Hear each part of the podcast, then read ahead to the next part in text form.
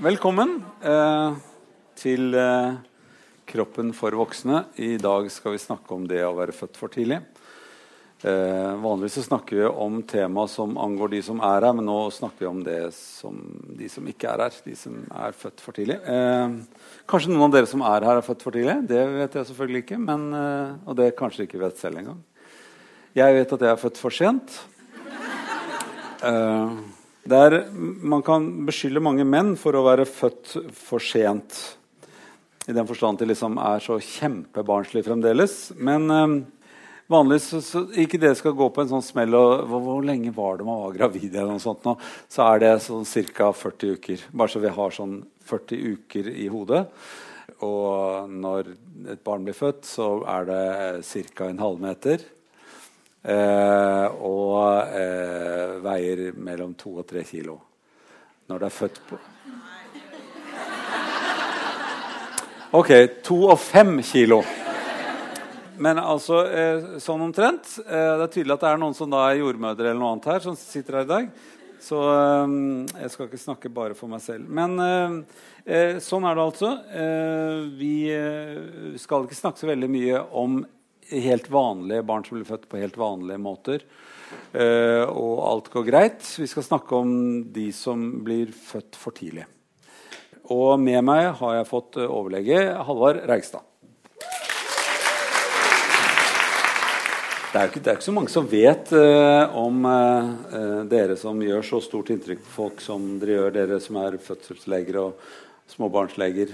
For det blir husket akkurat som man husker den første læreren man hadde fått. Uh, og dere som da tar imot sånne små tasser, dere blir jo husket som han bautaen som tok imot mitt barn. Og det gikk så fint. Du får jo besøk av mange tenåringer også som sier at 'jeg vet om deg fordi at du var der når jeg ble født'. Ja, det er jo veldig kjekt. Ja, for det er det du liker å si? Ja. Det er veldig kjekt? Ja. ja. Nei, Det er kjekt å se at uh, det vi har gjort, har vært med på en gang som et team. Uh, og det der er jo et team. Det er jo ikke én person alene som gjør denne jobben. Dette er jo jordmødre, det er fødselsleger, det er barnepleiere, det er sykepleiere, det er røntgen personale, det er laboratoriepersonale, det er de som vasker og holder rent sånn at ikke barna får infeksjoner. og Det er alle de som på en måte helt i dette her uh, verket for at det skal gå i sammen. Men det er klart at det er kjekt å være en del av det teamet som kan representere og så si at det er jammen kjekt å se deg. Mm. Overlegen sa det var et veldig fint barn. Da blir man så glad. så du er en av de som skal få lov å si det. Eh, eh, nå skal vi snakke om for tidlig fødte barn. Og eh, vi må først fortelle folk hvor, hvor, hva som er for tidlig født. For fra den ene siden så blir man gravid, og så går det en stund. Og så kan det inntreffe aborter, og så kan det være skader som føler til at man får aborter. Og så går, er det slutt på aborttiden uh, ved omtrent 22 svangerskapsuker. Ja, 23, oh, ja, 24 så, er den første okay. alderen som vi regner at barn kan overleve. Ca. 23 uker. Ok, Da kan de overleve utenfor livmoren. Ja. Og før, to, før 23 svangerskapsuker er det ett og annet barn på verdensbasis som har overlevd. Men eh, dessverre så er det sånn at de fleste av de som overlever så unge, de har følgetilstand av dette. Ja.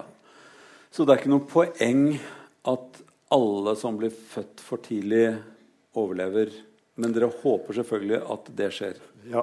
Men hvis det er for store skader, så er ikke du den som vil redde hva som helst for hva som helst slags pris. Nei, og Ikke bare at ikke jeg vil gjøre det, men jeg opplever òg at de aller fleste foreldre som får barn i en sånn situasjon, òg syns det er vondt å se at de skal få barn som vil ha en dårlig livskvalitet. Så dette, uh, igjen så må vi lage et bilde av hvordan dette er. Jeg, før jeg gikk hjemmefra, så, så tok jeg en uh, smørpakke, en sånn bordpakke med smør. Og så kjente jeg hvor tung den var Eh, og så tenkte jeg hvis jeg tar begge hendene og holder en sånn smørpakke veldig forsiktig Og det så litt latterlig ut, selvfølgelig. Men, eh, men, da tenker jeg nå ville det vært omtrent så tungt som å, å, å kjenne et veldig veldig et for tidlig født barn. Ja. For det er jo helt nedi en halv kilo under det. 305 Ja, Den minste med sånt. hos oss i øyeblikket, var 444 gram ved fødselen. Og eh, hun går det for øvrig veldig bra med, men, eh, men vi regner ca. ei grense på 400 gram, så er grensa for hva som er rimelig å satse på. Men du er jo en stor mann med store hender. Hvordan klarer du å jobbe med noe som er så bitte, bitte lite? Ja, jeg har flinke hjelpere som dytter på meg og eh, passer på at jeg treffer det jeg skal gjøre. Ja, for det er jo, det er jo ekstremt lite alt sammen. Eh, og fungerer veldig, veldig skjørt.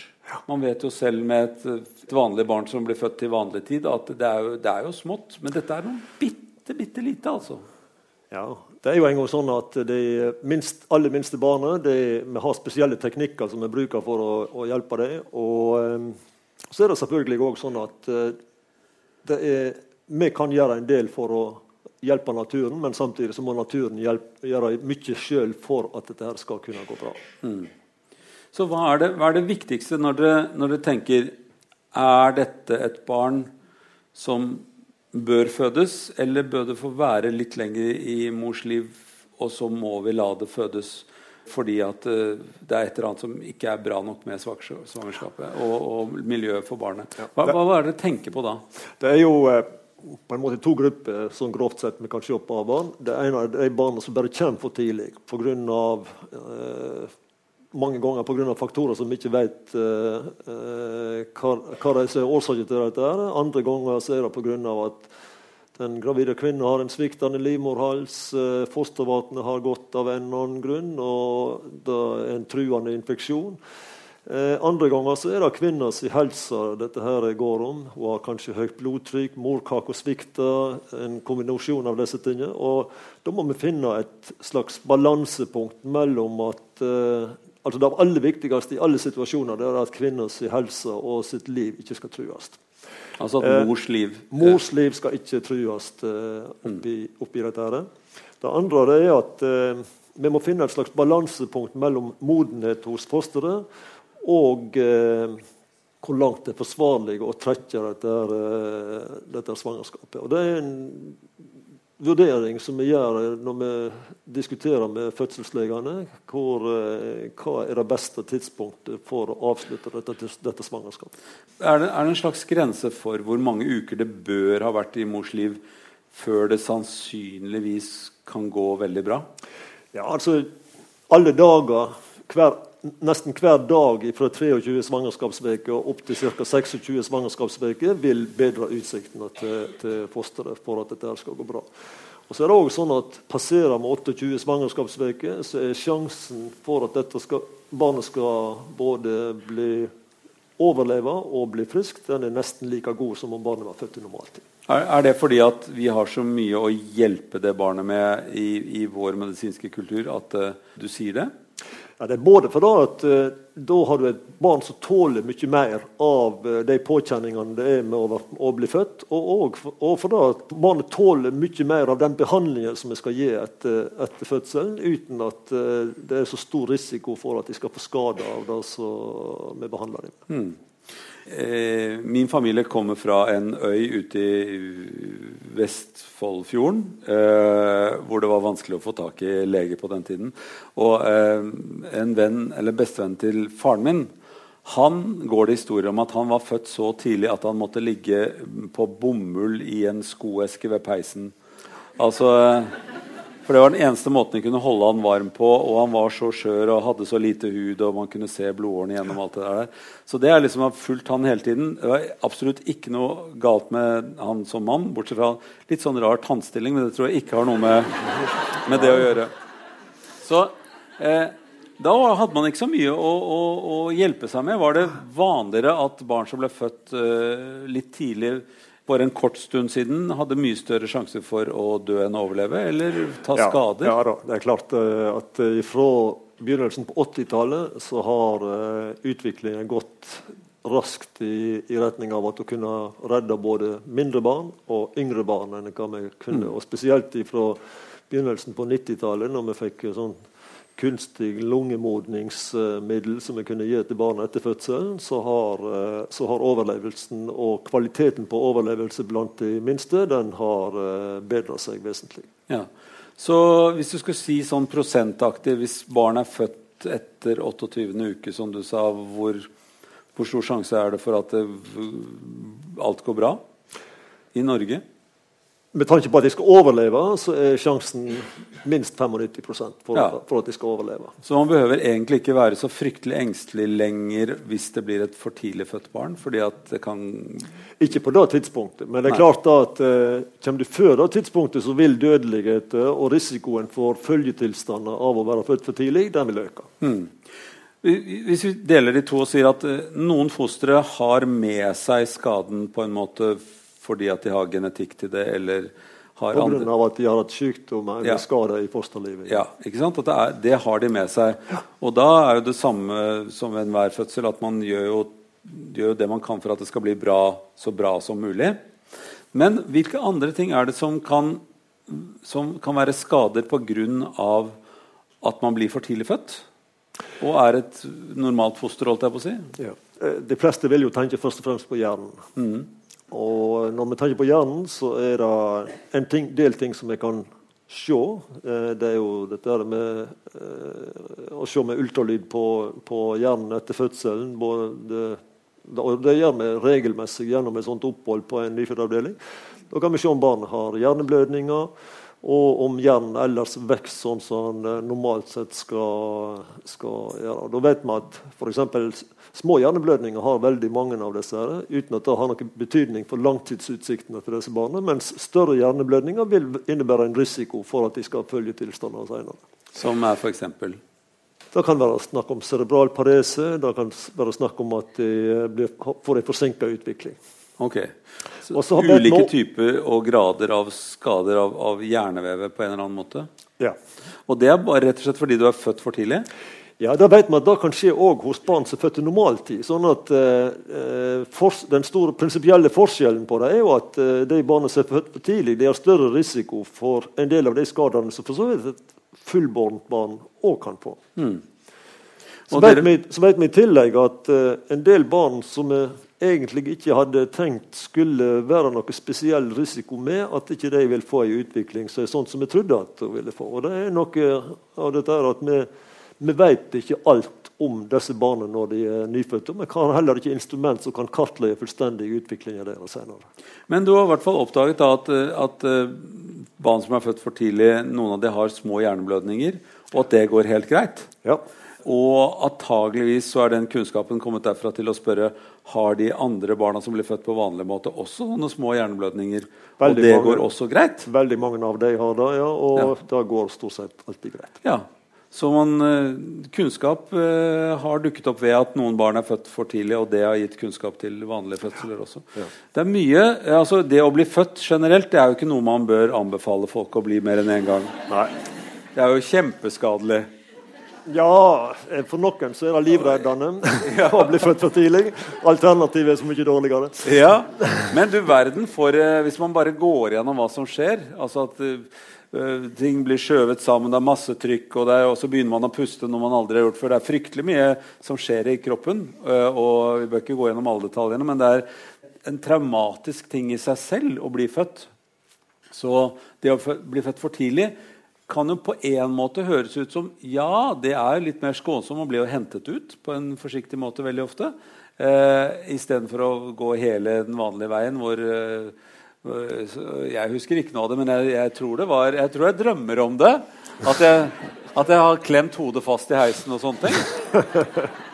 Jeg er bl.a. tatt med tang, da, sånn at det er sagt. Eh, Eh, så, eh, så eh, på en måte skulle jeg tenke ja, det, det, må jo være greit å være født for tidlig. Alle tar jo vare på deg, og det står et helt team som du sier rundt deg, og passer på at du, lungene modnes og alt liksom går bra. Men, men, akkurat det der med at lungene modnes, var jo noe man for kort tid siden sa at, at de, det førte til skade på lungene at du var født for tidlig. For da visste man ikke om det, altså, surfakt, altså sånn surfaktant eller overflatespenningsmolekylene eh, på samme måte som man har funnet ut nå etter hvert. Ja, og det er klart det er et spennende øyeblikk dette her, for å se. For da har vi dårlige metoder for å si hvor godt vil lungene fungere etter, etter fødselen. Og sånn at Vi må på en måte i prinsippet være forberedt på, på mye rart. Spesielt hvis et barn blir født veldig for tidlig. Mm.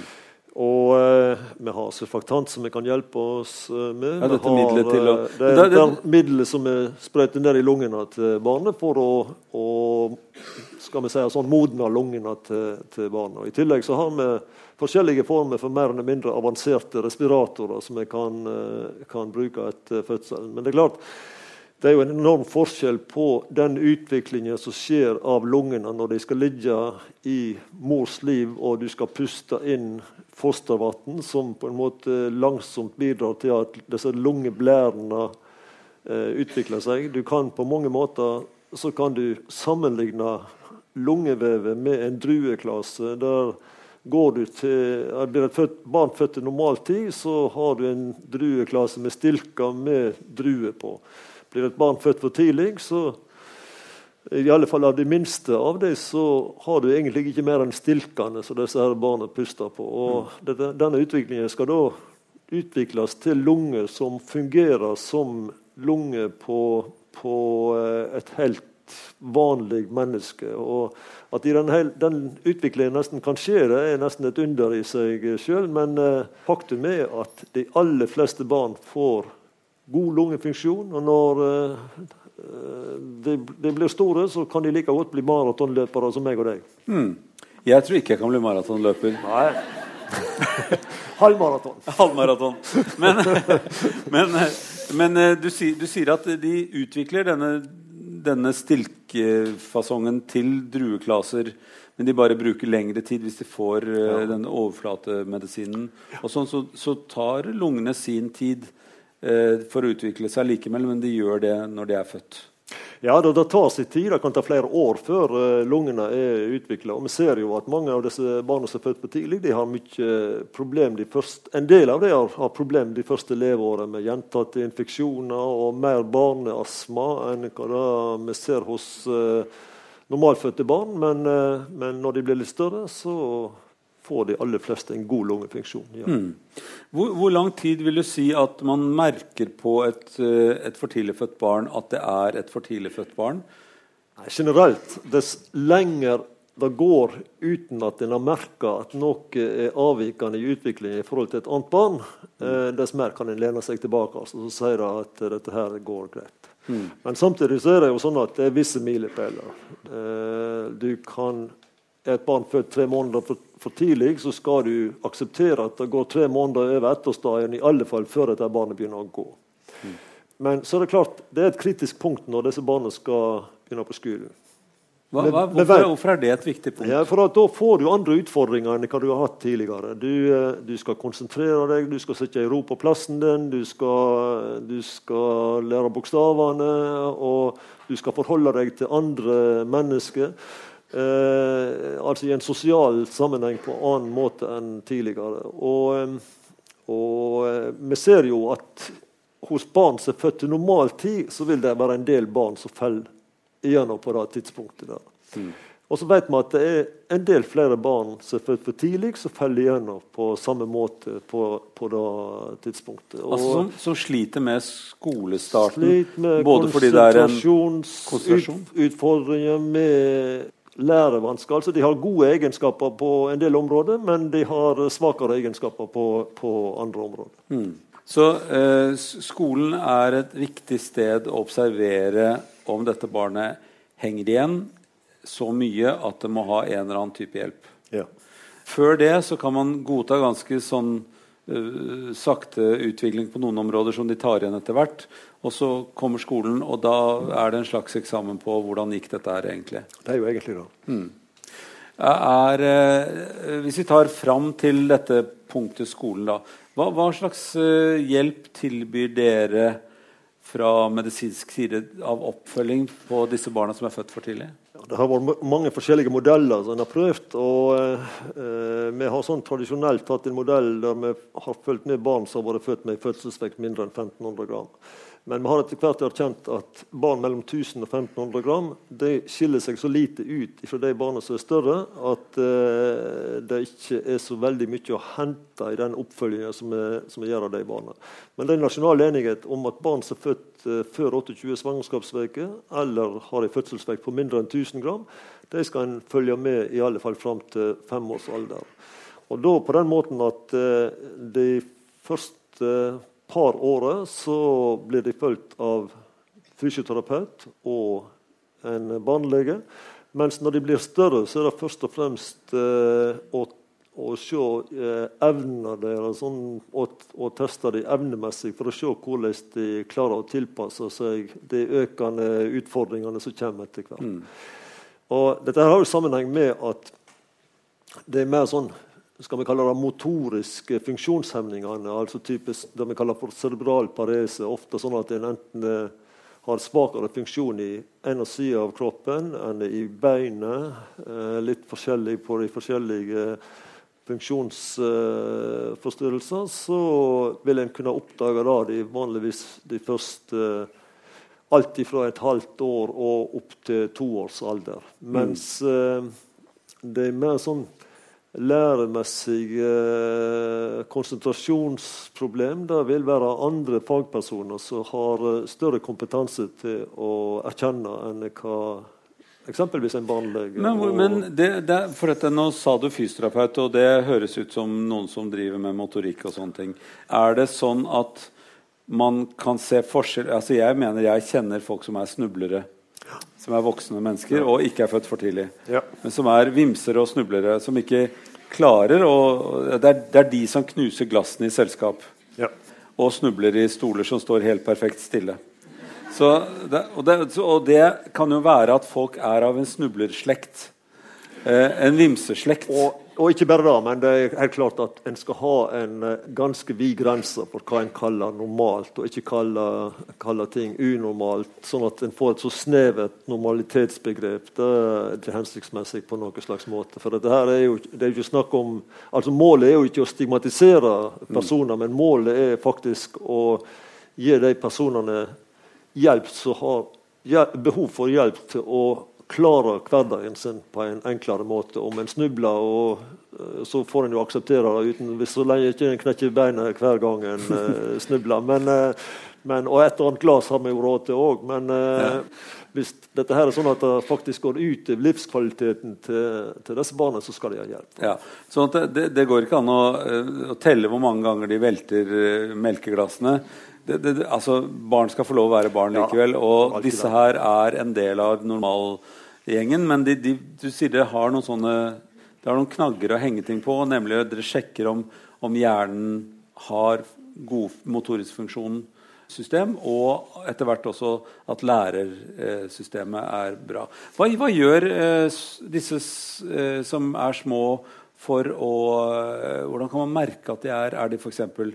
Eh, blir de slitne fort av å være sammen med masse mennesker? Er de, beskytter de seg på noen spesielle måter? Det, altså, kan man merke på, på for tidlig fødte barn når de er i, før de er femårsalderen, at de har en andre måter å gjøre ja, ting på? Altså, det er jo mye som tyder på at, uh, at det ikke det er så veldig bra for dem å få så veldig mye og kraftige stimuli. Og En del av disse barna de har det nok best når de får ha sine eh, perioder alene rett og slett for seg sjøl. Mm. Altså vi ser jo enkelte barn de trekker seg tilbake og vil ha litt alenetid. Og da er kanskje sånt så eh, er deres måte å reagere på at eh, de skal ikke ha så mye stimuli. For det, rett og slett pga. at de, de, de, blir overstimulert hvis de får altfor mye impulser ut ifra. Mm. Og Det er jo litt sånn vanskelig i denne mm, iPad-verden vi har, hvor eh, man eh, både prøver å lære barn ting hele tiden og, og, og setter dem bort til, til, eh, stimulering andre steder, holdt jeg på å si. Eh, eh, for, fordi at og På alle mulige kurser, og barnedans ned til tre år og alt mulig rart. Det, tror du det er for mye stimulering av for små barn generelt? Vanskelig å vite, men uh, det er en del ting som tyder på at kanskje pendelen svinger Ja. Litt, litt, langt i retning av at barn har fått for mye stimulering. Ja. Det å, å, putle og kjedele seg litt det kan være greit for barn som ikke er født for tidlig også? Ja. ja. Hjernen har vi vært gjennom, og lungene. Er det noe annet du vil si at uh, dere passer ekstra godt på med, med barn som er født for tidlig i den tidlige fasen? Den siste tredjedelen av svangerskapet så er jo det der med, med veksten av fosteret den er jo enorm. Uh, et barn født etter 28 svangerskapsveker så vil de ofte ha en vekt på kanskje 1000 gram. noe sånt. Og når de er født etter 38-40 svangerskapsveker, så er de kanskje 3,5-4 kilo. Og det betyr altså at kroppen har akkumulert enormt med, med proteiner og med fett og skjelett på den tida. Og det er jo dette som preger et for tidlig født barn, at de er veldig magre. Og den siste tredjedelen av svangerskapet så skal de akkumulere skjelett. Og de skal akkumulere muskulatur, og de skal akkumulere fett. Mm. Det er jo ganske interessant å se at et barn som er født eh, etter 4-5-26 svangerskapsveker, de har en hodeomkrets som er nådd i alle fall til kanskje 70% av det som hodeomkretsen skal være ved fødselen av et normalt stort barn. Det betyr altså at hjerneutviklingen har kommet veldig langt egentlig ganske tidlig i svangerskapet. Hvis vi ser på lengden, så er den òg kanskje en 60 av, av vekta til, av lengden til et fullbårent barn. Mens vekteren er kanskje ned i 20-25 av, uh, av vekten til et fullbårent barn. Og det, det sier jo altså... noe at disse for tidligfødte barna de er først og fremst veldig magre. De mangler skjelett, de mangler muskler, de mangler, de mangler fett. Uh, og det er noe av oppgaven vår i den siste for de som blir født for tidlig, at vi må få ernært disse barna på en fullverdig måte. Mm. Går det an å si eh, litt kort og enkelt at uh, den siste delen av svangerskapet brukes veldig mye på å blåse opp allting. Altså ja. uh, ved at det, man får for mye av alt, sånn at man har noe å gå på. For de, når barn blir født vanlig fullbåren, så, så, går det jo litt ned i vekt før de tar igjen vekten igjen. Ja. Men uh, de har ikke hatt denne oppblåsningsfasen. på en måte. De har, de har kanskje alle cellene, men de er ikke blitt store nok. Eh, og trenger ernæring. Hva slags type ernæring er det man må gi barn som er født for tidlig? Optimalt så bruker vi morsmelk. Mm. Og, eh, og morsmelk den er den, sannsynligvis den nær ideelle ernæringen for barn i alle aldre. Men det som er spesielt med morsmelk, er at den har mindre salt enn eh, et for tidlig født barn trenger. Den har mindre proteiner, og den har mindre kalsium og fosfat. Mm. Kalsium og fosfat og proteiner er jo dette viktige byggesteinene i skjelettet vårt. Mm. Og, og, proteinene bygger muskulaturen i, i, stor grad. Sånn at vi pleier å forsterke melken med forskjellige produkter. Men Samtidig så ser vi òg at eh, en del av eh, kvinnene som før for tidlig, de klarer ikke å komme i gang med melkeproduksjon. Og da har vi en del velvillige som donerer melk til oss, sånn at vi i prøver så langt som mulig å bruke det vi kaller bankmelk til disse barna, som er da tilsvarende forsterka. Og så slipper vi av og til opp for uh, bankmelk òg, og da må vi bruke spesielle melkeerstatninger som er lagd uh, industrielt for å, å, ernære disse barna. I gamle dager var det jo vanligere å ha ammer, altså kvinner som drev og, og melket hele tiden. holdt jeg på å si. Det var ikke meningen å si det akkurat sånn, men uh, men de donerte melk hele tiden? De, altså, fordi at Hvis man stimulerer uh, melkeproduksjon hos kvinner, så i forbindelse med en fødsel, så er jo det noe som kan opprettholdes veldig lenge.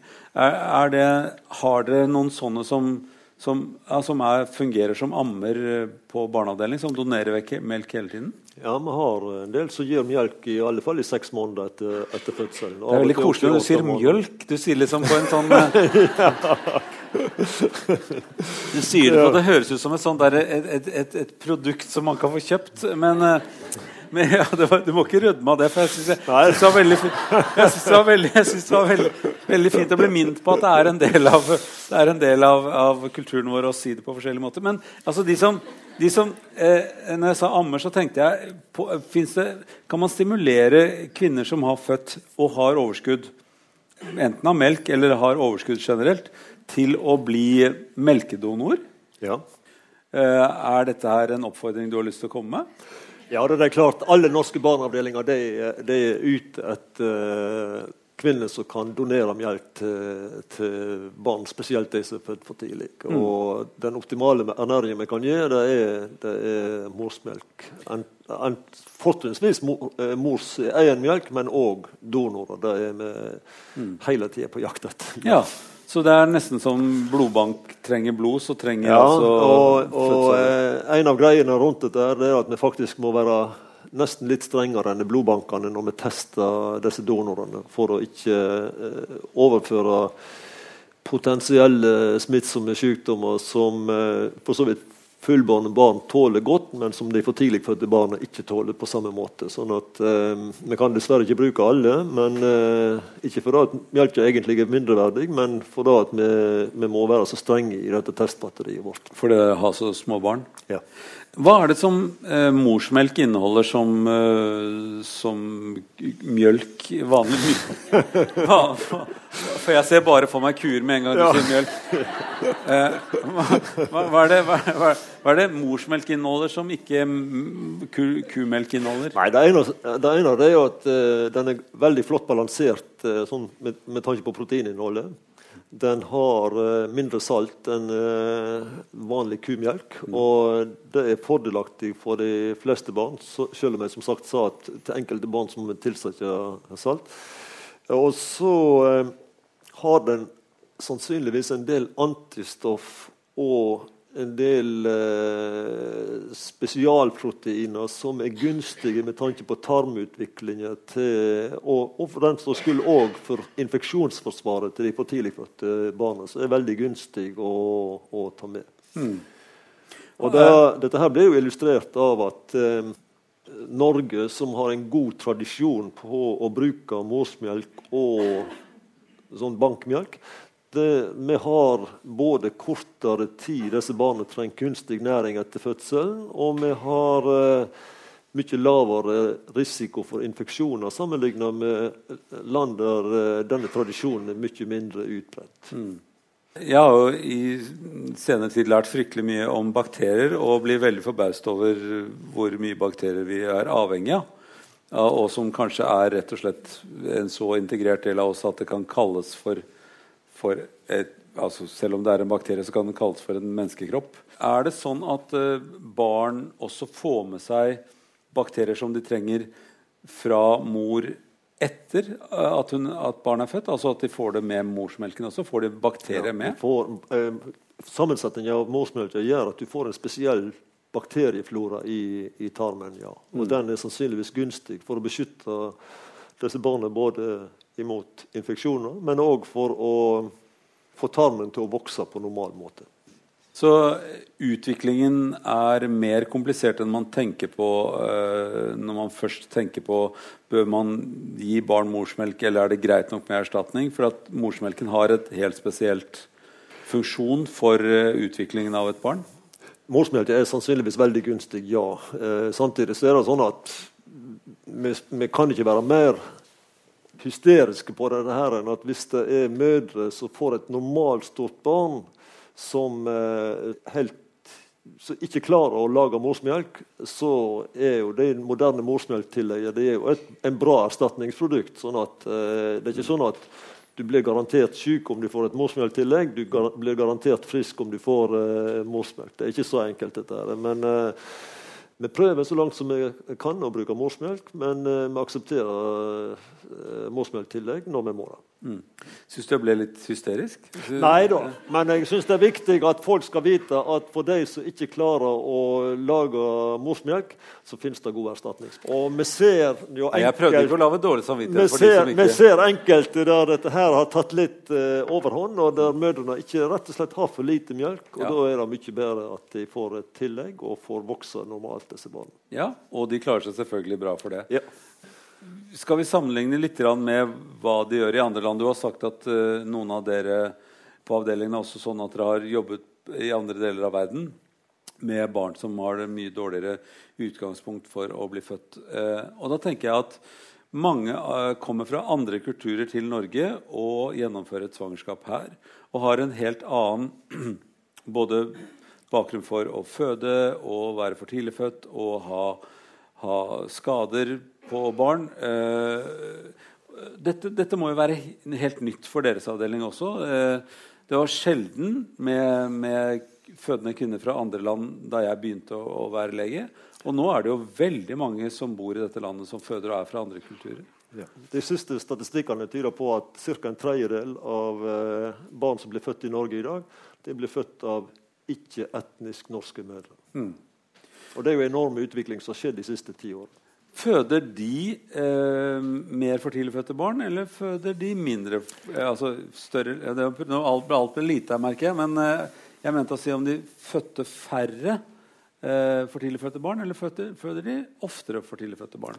Jeg tror ikke vi har god statistikk på dette foreløpig. Og det er jo en komplisert eh, greie òg, dette. her, For da at uh, for at her er mange forskjellige eh, innvandrere vi har. De er fra veldig mange forskjellige deler av verden. og Jeg tror det er for tidlig å lage seg noe godt inntrykk av akkurat dette. Mm. Men vi vet samtidig at, at uh, kvinner fra enkelte deler av verden har en økt risiko for spesielle komplikasjoner i, i svangerskapet. Vi mm. vet at f.eks. deler av verden så er dette med svangerskapsdiabetes mer utbredt enn andre deler i verden. Og Da kan i neste tur innvirke på dødeligheten. Og da må jo da vi ta høyde med uh, for som arbeider i helsevesenet med dette her at vi innretter helsetjenesten vår til de nye problemstillingene. Og, mm. det ser ut som vi må snu oss ganske fort, for da, at mm. dette har endra seg så veldig fort. Og så sa du at, at fra andre deler av verden så, så er det mindre sånne, sånne komplikasjoner. Så det, det, er, det, er, et veldig forskjellig bilde fra ulike innvandrergrupper. Og sånt. Ja, ja. Og dette, denne kunnskapen må jo, må jo, dere ta til dere ganske fort, for det, eh, det kan jo oppstå problemer pga. at dere ikke kjenner til denne type Ja. Det er nye, nye problemstillinger som vi må lære oss uh, fortløpende. Går det an å si noen ting om Nå nevnte du diabetes, at det er en komplisert ting å, å ha i svangerskapet for moren. Er det, er det noe som er en annen type diabetes, eller får det andre følger? Fordi at du er svanger, eller altså, ja, det er, diabetes? Problemet med diabetes i svangerskapet det er, det er at, er en dårlig behandla diabetes, altså dårlig behandla sukkersyke, mm. det, det, gir en risiko for at barnet enten skal bli veldig stort, men kanskje viktigere og mer alvorlig at morkaka kan svikte i, i svangerskapet. Og Da ser vi nok at uh, dette her er noe som kan potensielt eh, enten føre til at fosteret dør i mors liv, enn at barnet blir født med surstoffmangel etter, etter fødselen. Mm. Det er sånne ting som vi vet kan lage følgetilstander hos, eh, hos barna. Mm. Og er det, er, det, er det, en annen måte å tenke om, rundt sukkersyke på fordi at det er graviditet inne i bildet? Ja. Helt klart. For da at uh, denne typen sukkersyke, det vi kaller diabetes type 2, den kan du gå med egentlig uten at du har erkjent det inntil du blir eh, gravid. Men i svangerskapet da, da øker belastningen på stoffskiftet ditt, sånn at komplikasjonene kommer på en måte på deg på en annen måte enn, mm. Eh, enn hva, når, du, når, du, går ikke gravid. Så det er det kanskje greit å si til folk som hører på, at eh, hvis man har diabetes i familien eller har undrer om man har diabetes 2 på en eller annen måte, så kan det være greit å få sjekket det veldig tidlig i forhold til et svangerskap. Ja, det er helt klart viktig. Det, vi ser det samme òg at eh, vi har en del kvinner som er overvektige. De har samme risikoen. Og eh, det er klart, et svangerskap det er jo sånn òg at en del kvinner tyr, altså du, blir, du, har behov for å drikke mer. og Det er ikke alle som tyr til vannflasker, men en del tyr kanskje til andre typer leskedrikker, type saft, type cola og sånt. Og da vil du på en måte ha en større belastning på stoffskiftet ditt enn hva du normalt sett skulle ha. Mm. Så for å forebygge komplikasjoner med svangerskap, så kan det være greit å å vite om det at diabetes og kosthold er, er, veldig viktig for kvinner som er gravide, i forhold til om barnet kanskje blir født for tidlig, eller, eller, eller ja, og, det blir komplikasjoner ved Spesielt det der med tanke på komplikasjoner i svangerskapet. Ja. Hvis vi skal spole videre fremover til, eh, til, disse barna som er født for tidlig og er begynt på skolen, hva er det, hva er det mm, eh, hva er, det, hva er, det, de kan møte som problemer på skolen? Du sa litt om konsentrasjon. Det har jeg vært borti også. Eh, det å sitte rolig på pulten har aldri vært noe for meg. Eh, det er ganske mye her. Ja. ja og lesevansker Ja, jeg fikk briller da jeg var 18. Jeg skulle kanskje hatt det da jeg var 7. Det er jo sånne ting. Altså, jeg har gjettet meg gjennom hele skolegangen. Eh, men det har gått ganske fint. Du gjetta ganske godt. eh, men, så det er masse ressurser i barn. Eh, for å gjøre ting på forskjellige måter. Eh, og skolen er jo blitt mer og mer, sånn, mer, og mer sitt stille, uh, vær flink pike. Det er jo en, enda flink, flinkere pikeskoler eh, hvor gutter detter gjennom enn tidligere var det kanskje litt greiere å være urolig gutt. Nå er ikke det noe særlig populært. Da får man ADHD-diagnose før man har ja. telt til ti. Ja. Eh, og nå var jeg litt slem, merker jeg, for det ble litt sånn eh, merke på publikum. Eh, men men, men, men, det der med, med, konsentrasjon og lesevansker er jo en vanskelig ting å skille ut uh, som at dette er et problem som er, uh, er pga. at du er født for tidlig. Men du sier på den andre side at hvis man er født for tidlig, så er nettopp det en ting som kan bli plage når du kommer til skolen, som det ikke er nødvendig å, å, å henge med videre. Poenget er jo at uh, dette her med konsentrasjonsproblem, med, med lesevansker uh, og sånne ting, det, det er jo en, noe som alle barn har en risiko for. Og den store forskjellen på for tidlig fødte barn i forhold til barn som er født i normaltid, er at uh, det er vanligere hos barn som er født, født for tidlig.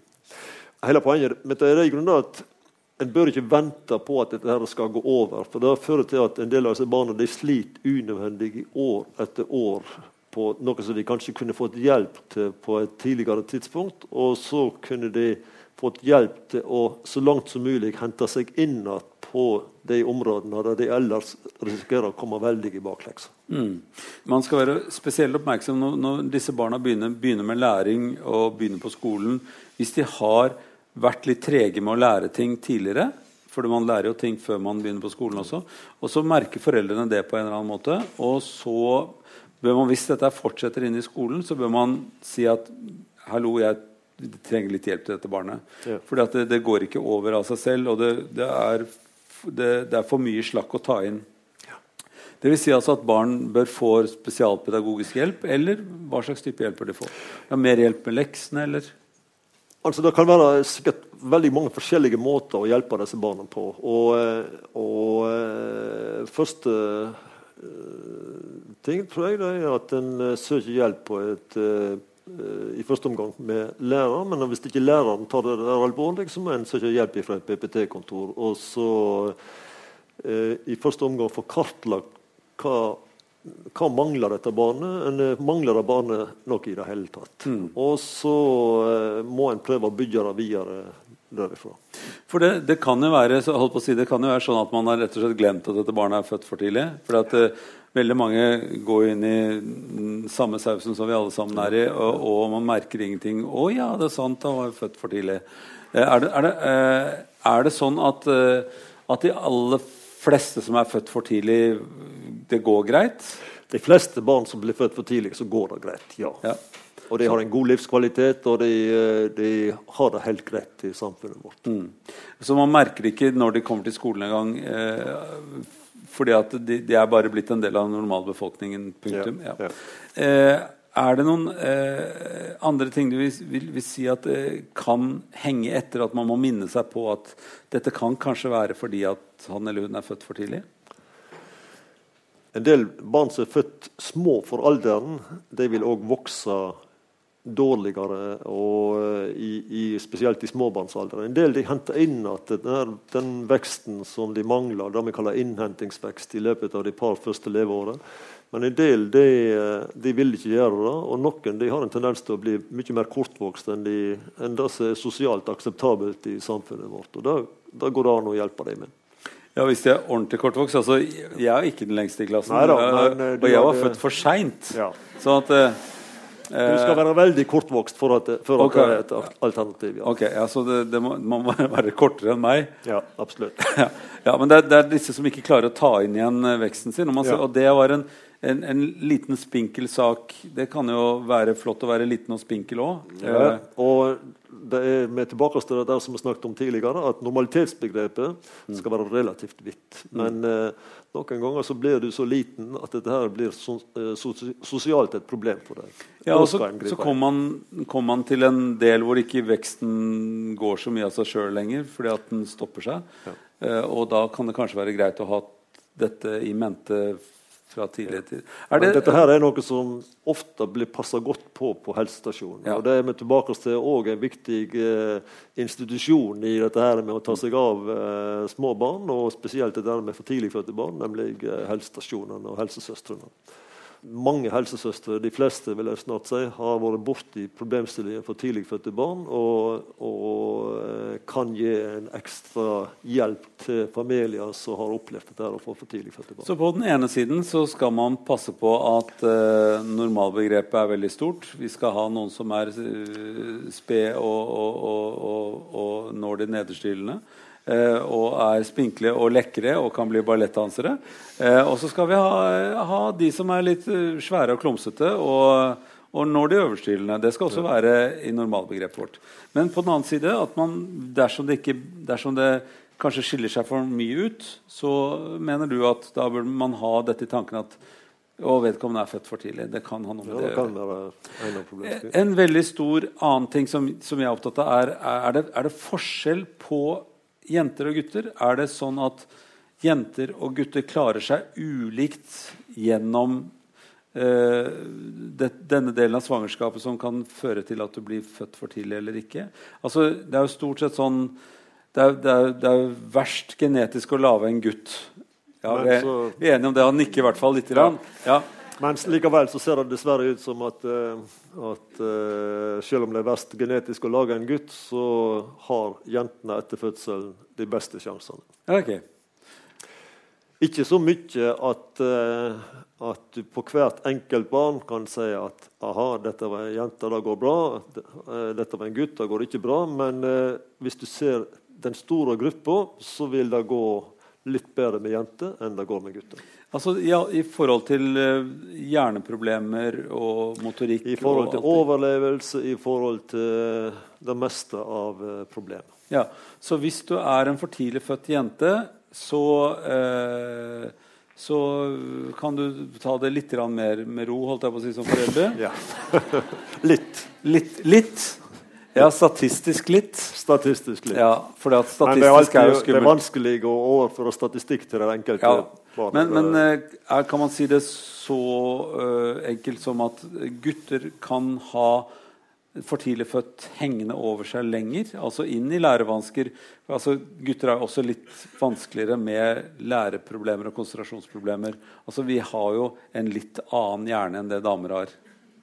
Ja, vi må være enige om det. Og den er konstruert med et annet type programvare som er dyttet inn i starten, så den er bare annerledes også.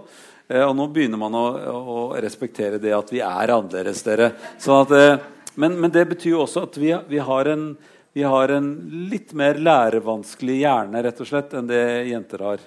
Ja, og så er det vanskelig òg, for dette her er, det er sosial greie rundt dette her òg. For det at eh, forventningene til å være gutt er andre enn forventningene til å være jente. Det er på en måte lettere å ha ballettkjole og rosa ballettkjole og, og eh, hadde nær sagt utfolde seg i en jentesetting enn det å være gutt med spade og gravemaskiner og Og det er litt, litt ja. andre forventninger i, Og det òg gjør noe med dette. Sånn at Men hvor langt vil det er du trekke sammens- dette her? Sammensett problem, dette her. Ja, men det, totalt sett så har gutta litt større problem enn jenter. Ja. Oh, ja.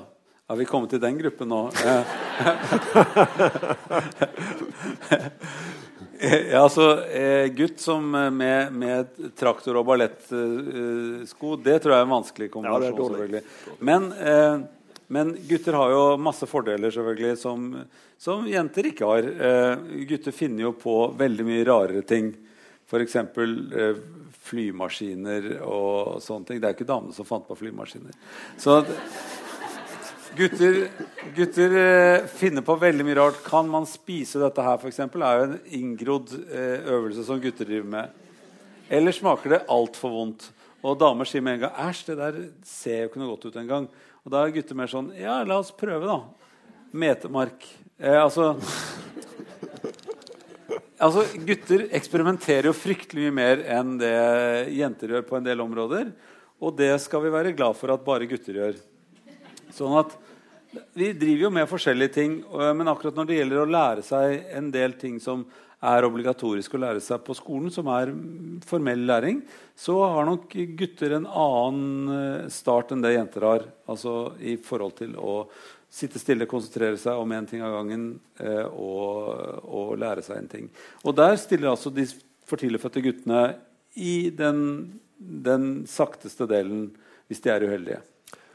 Ja, hvis de er uheldige, så gjør de det. Ja. Mm, ja. Men samtidig for alt i verden. Vi ser òg for tidlig fødte uh, gutter er nesten jeg tror det er nesten Hvert årskull så er det av medisinerstudenter. og I den grad det kan brukes som noe kvalitetskriterium, så, så uh, kommer det ramlende en medisinerstudent som var for 1000 gram når han var født, og, og har uh, åpenbart klart seg godt her i verden. Sånn at ja, han, han, skal ha statistikken på sin side når det er 80% jenter på medisinerkullene. Ja, det er sant. så er det 20 siste prosentene og er født for tidlig. Da har du klart deg godt, altså.